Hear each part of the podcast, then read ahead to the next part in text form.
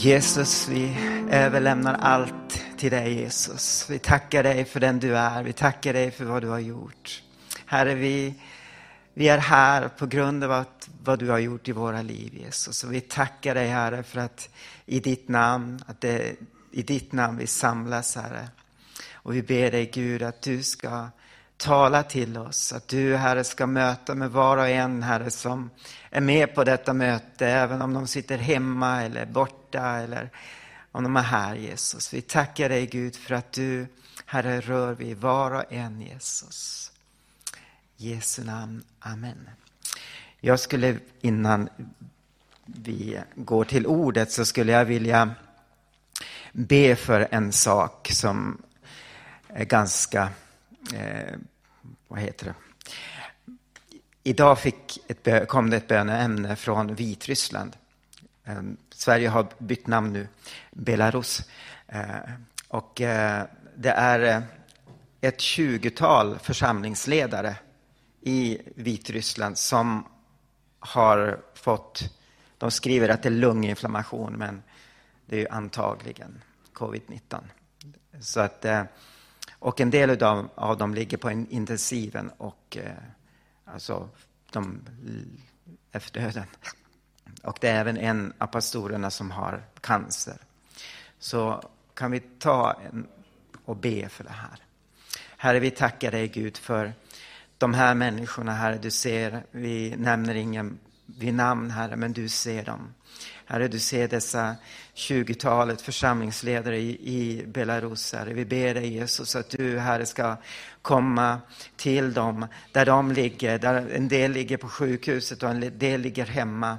Herre, vi ber dig Gud att du ska lägga din hand på dem. Att du som är deras eh, frälsare, du är deras Herre, men du är också deras läkare Jesus. Tack att, det, att du ska röra vid dem, Herre, och vi tackar dig för ett tillfrisknande. Vi tackar dig Gud för ett fullständigt helande till var och en utav dem, Herre.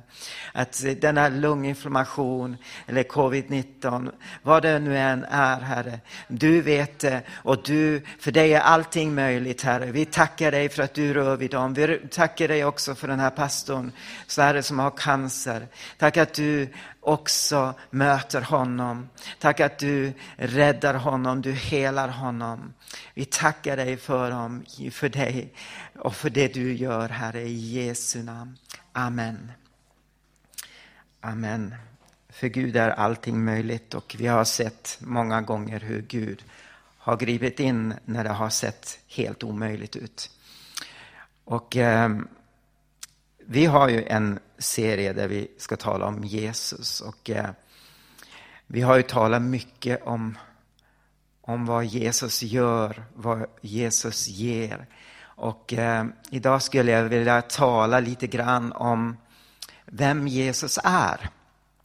Och eh, i Kolosserbrevet kapitel 1, vers 15 till och med 18 så talar Paulus om en liten, ger en liten glimt om vem Jesus är. Och jag har satt som överskrift på den här predikan att Jesus är den osynlige Gudens avbild. Men låt oss läsa från, från Kolosserbrevet kapitel 1, vers 15 till och med 18. Han är den osynlige Gudens avbild, förstfödd före allt skapat.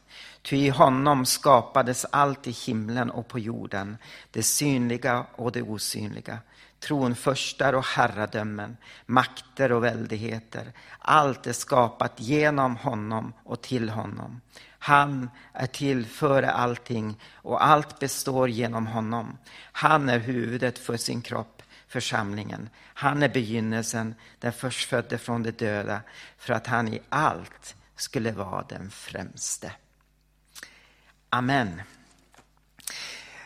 Efter att Jesus hade vandrat med lärjungarna i en ganska lång en ganska lång stund, en tid. Och de hade fått se honom den han, den han verkligen var. Han, de såg honom när han la sina händer på de sjuka och de blev friska. Och när han talade till andarna och de var tvungna att lämna människor.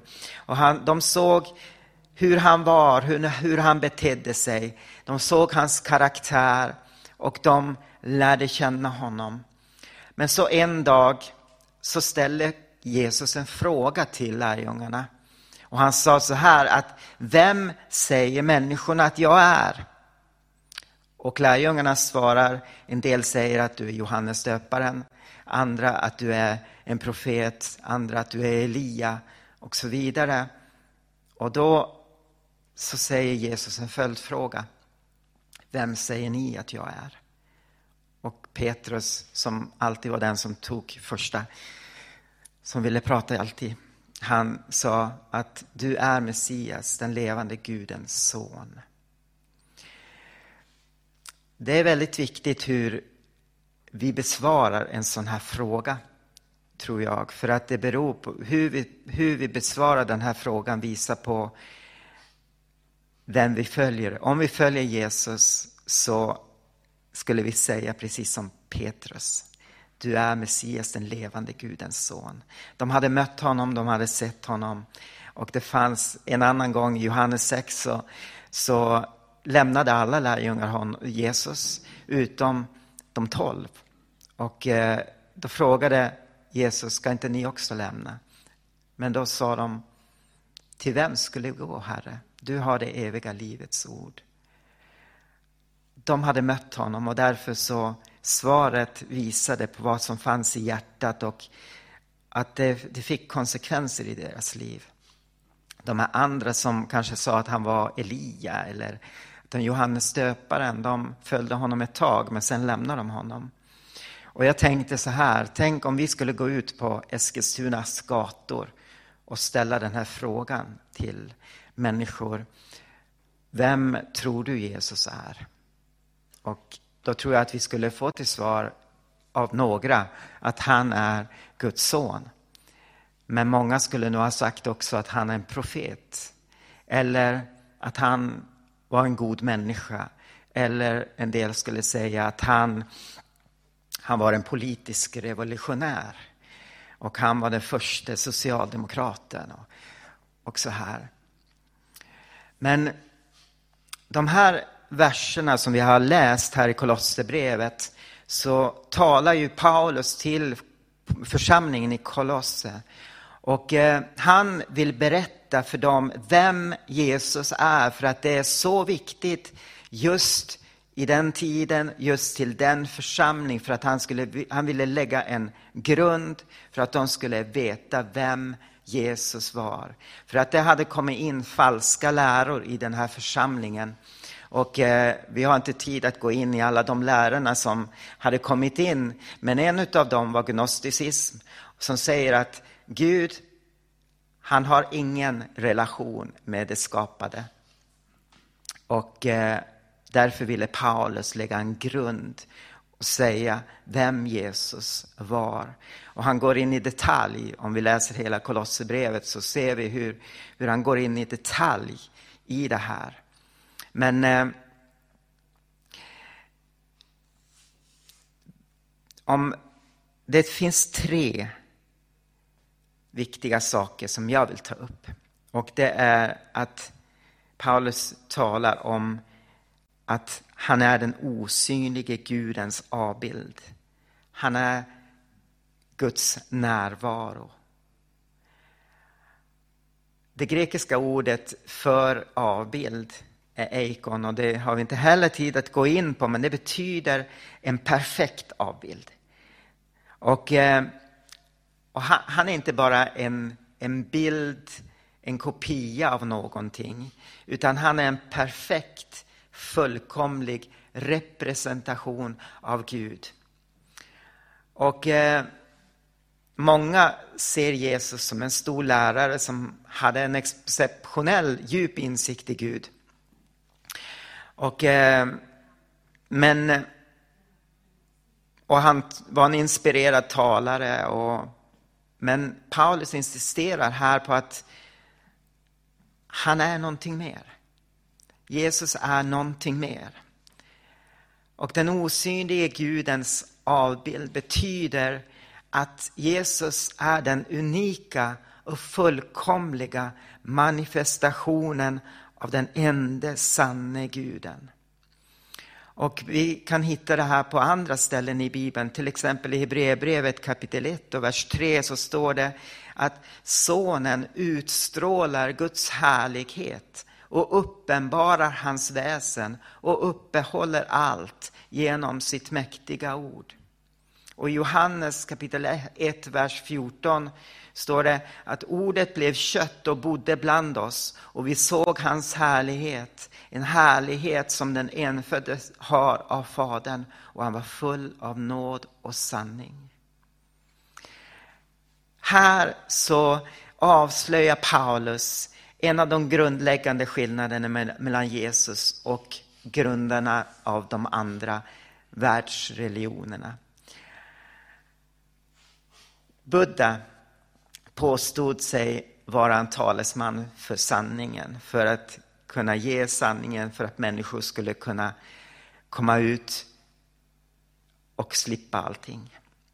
Men Jesus, han hävdade att han var sanningen. De, Mohammed påstod sig visa vägen till Gud. Men Jesus påstod sig vara vägen och att han var Gud. Jesus sa i Johannes 14, vers 6 att han är vägen, sanningen och livet. Ingen kommer till Fadern förutom genom mig. Jesus är inte bara en reflektion av Gud. Jesus är Guds avbild. I Kolosserbrevet kapitel 2, vers 9 så står det, säger Paulus, ty i honom bor gudomens hela fullhet. Jesus talade till Thomas och sa också att den som har sett mig, han har sett Fadern. När du ser Jesus så ser du Gud. Gnosticismen som hade, som hade fått sitt intrång här förkunnar ju att Gud inte har någon relation och inte vill ha någon relation med, med skapelsen. För att eh, skapelsen har gått så långt bort ifrån Gud att han kan inte ha någon relation. Men Gud säger att han älskade oss så mycket att han sände sin son till oss för att dö för oss, för att betala syndens för att betala synden för oss. Han visar på att han vill ha gemenskap med människor. Men inte bara det. När Jesus vandrade här på jorden så visade han genom sitt liv och sitt agerande vem Gud var och vem, vilken karaktär Gud hade. När han helade människor så visade han att Gud vill hela människor. Så att när vi ser Jesus så ser vi Gud. Och det är väldigt viktigt att vi förstår det här.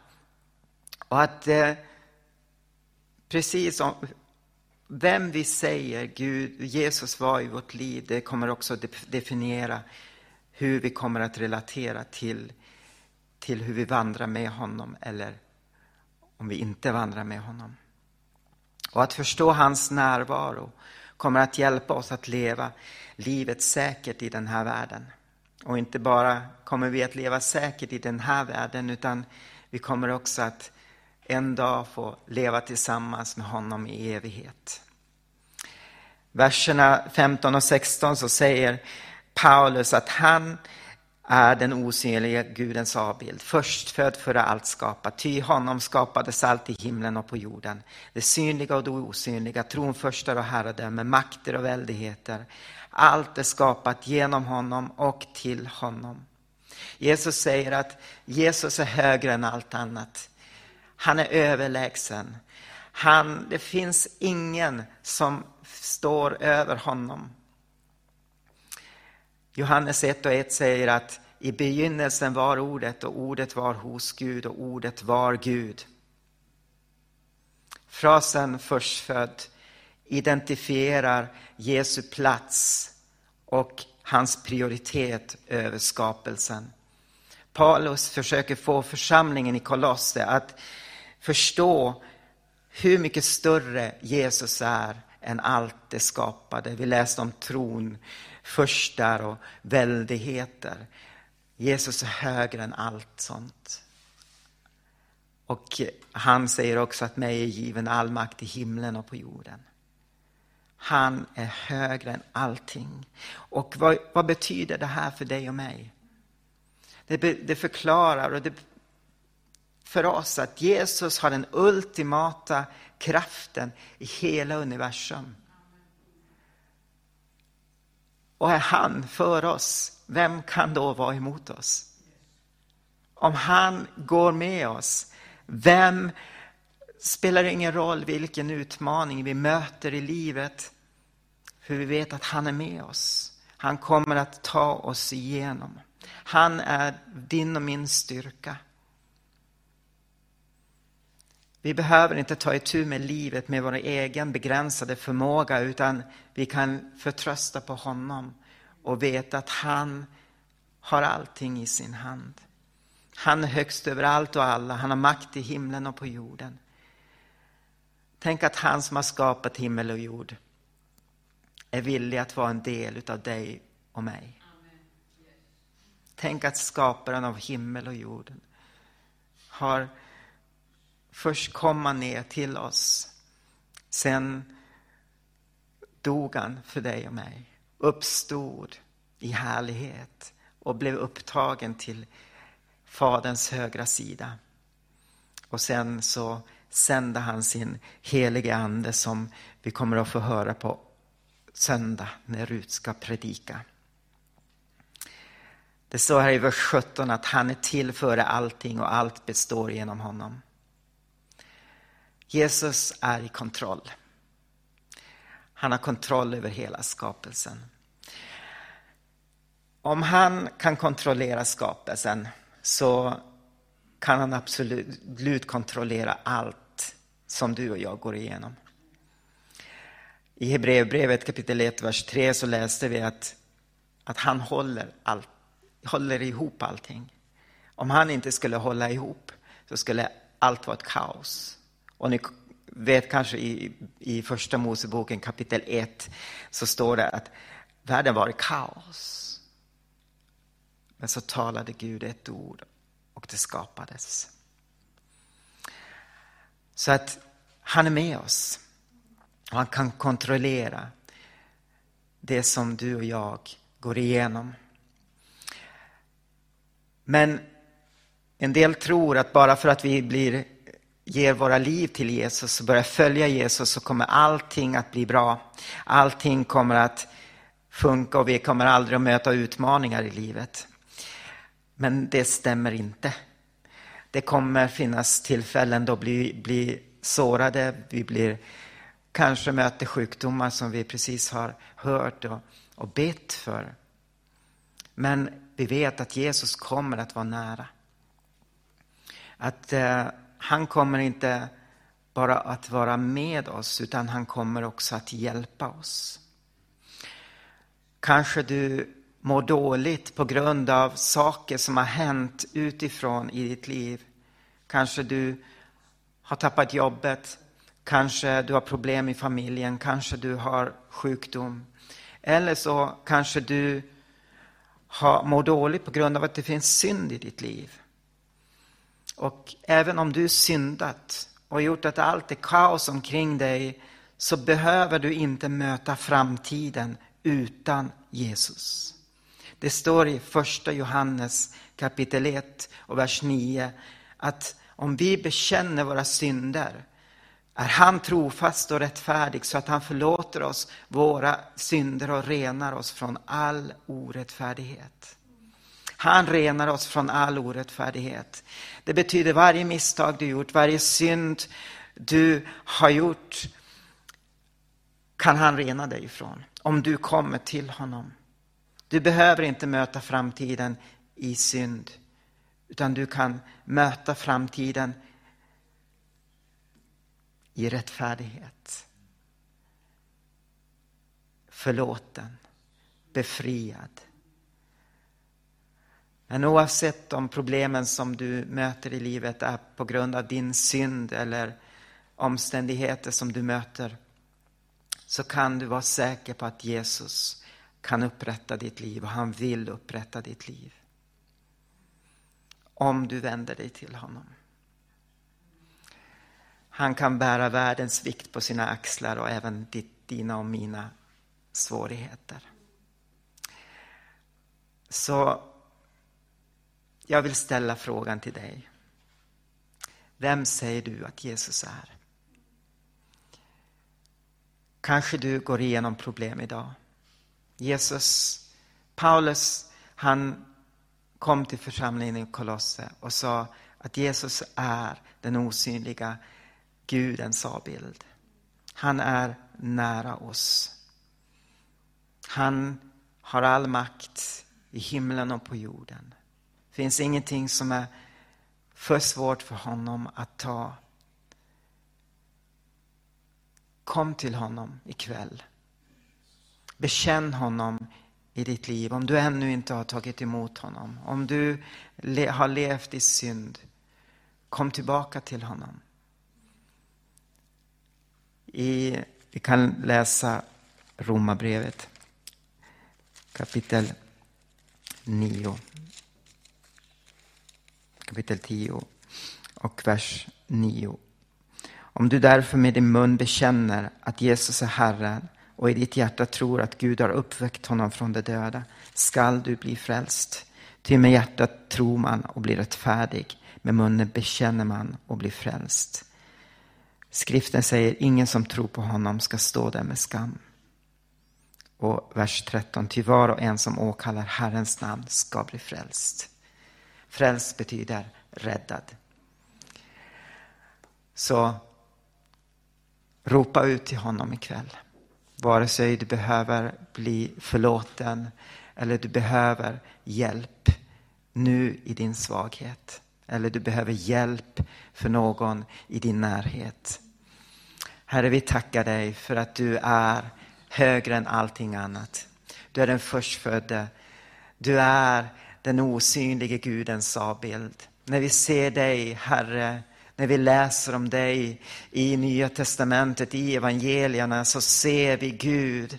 Vi ser vem du är. Herre, vi kommer till dig ikväll och vi vill bekänna att vi vill följa dig. Vi, vi klarar oss inte utan dig, Herre. Precis som Petrus bekände att du är Messias, den levande Gudens son. Och till vem skulle vi gå? Du har det eviga livets ord. Herre, vi har ingen annan vi kan gå till. Du är den vi vill följa. Herre, vi lämnar över våra liv till dig ikväll. Herre, vi vill följa dig. Hjälp oss, Herre.